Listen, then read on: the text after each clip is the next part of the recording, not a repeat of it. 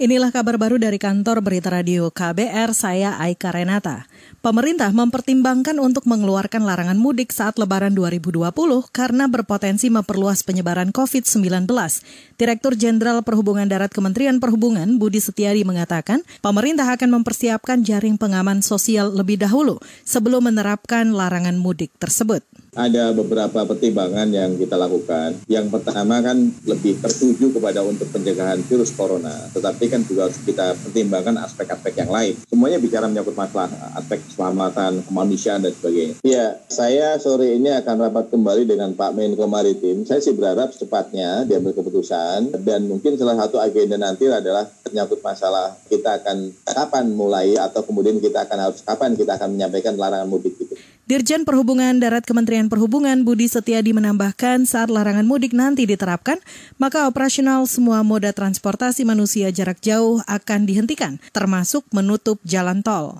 Kita beralih, saudara pemerintah diminta merevisi aturan yang tidak sejalan dengan pelaksanaan pembatasan sosial berskala besar PSBB. Pengamat kebijakan publik dari Universitas Trisakti Trubus Rahadiansyah menyebut salah satu aturan yang perlu direvisi adalah peraturan Menteri Perhubungan tentang pengendalian transportasi dan surat edaran Menteri Perindustrian tentang pelaksanaan kegiatan industri saat COVID-19. Menurut Trubus, dua peraturan itu tumpang tindih dan membuat bingung daerah sebagai pelaksana PSBB. Ya, permen ya harusnya yang itu permen nomor 3 itu turunan dari PP 21, Mbak. 21 itu dengan PSBB. Jadi itu saja, tidak perlu ada lagi yang namanya permen itu.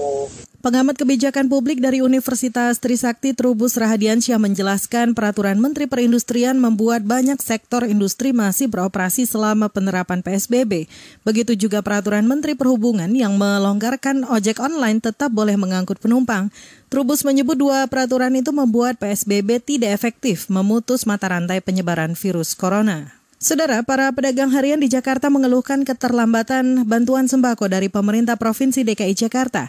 Salah seorang pedagang harian di Jakarta Selatan, Abi Ananto berharap bisa segera mendapatkan bantuan dari Pemprov. Ia mengatakan sudah sebulan usahanya tutup sebagai imbas dari pembatasan sosial berskala besar PSBB. Belum, di sini belum. Baru, baru isu-isu doang katanya tanggal 21. Kalau jadwalnya kan keluar Jati Padang kemarin, tanggal 17. Hmm. Nyatanya molor sampai sekarang. Katanya Senin.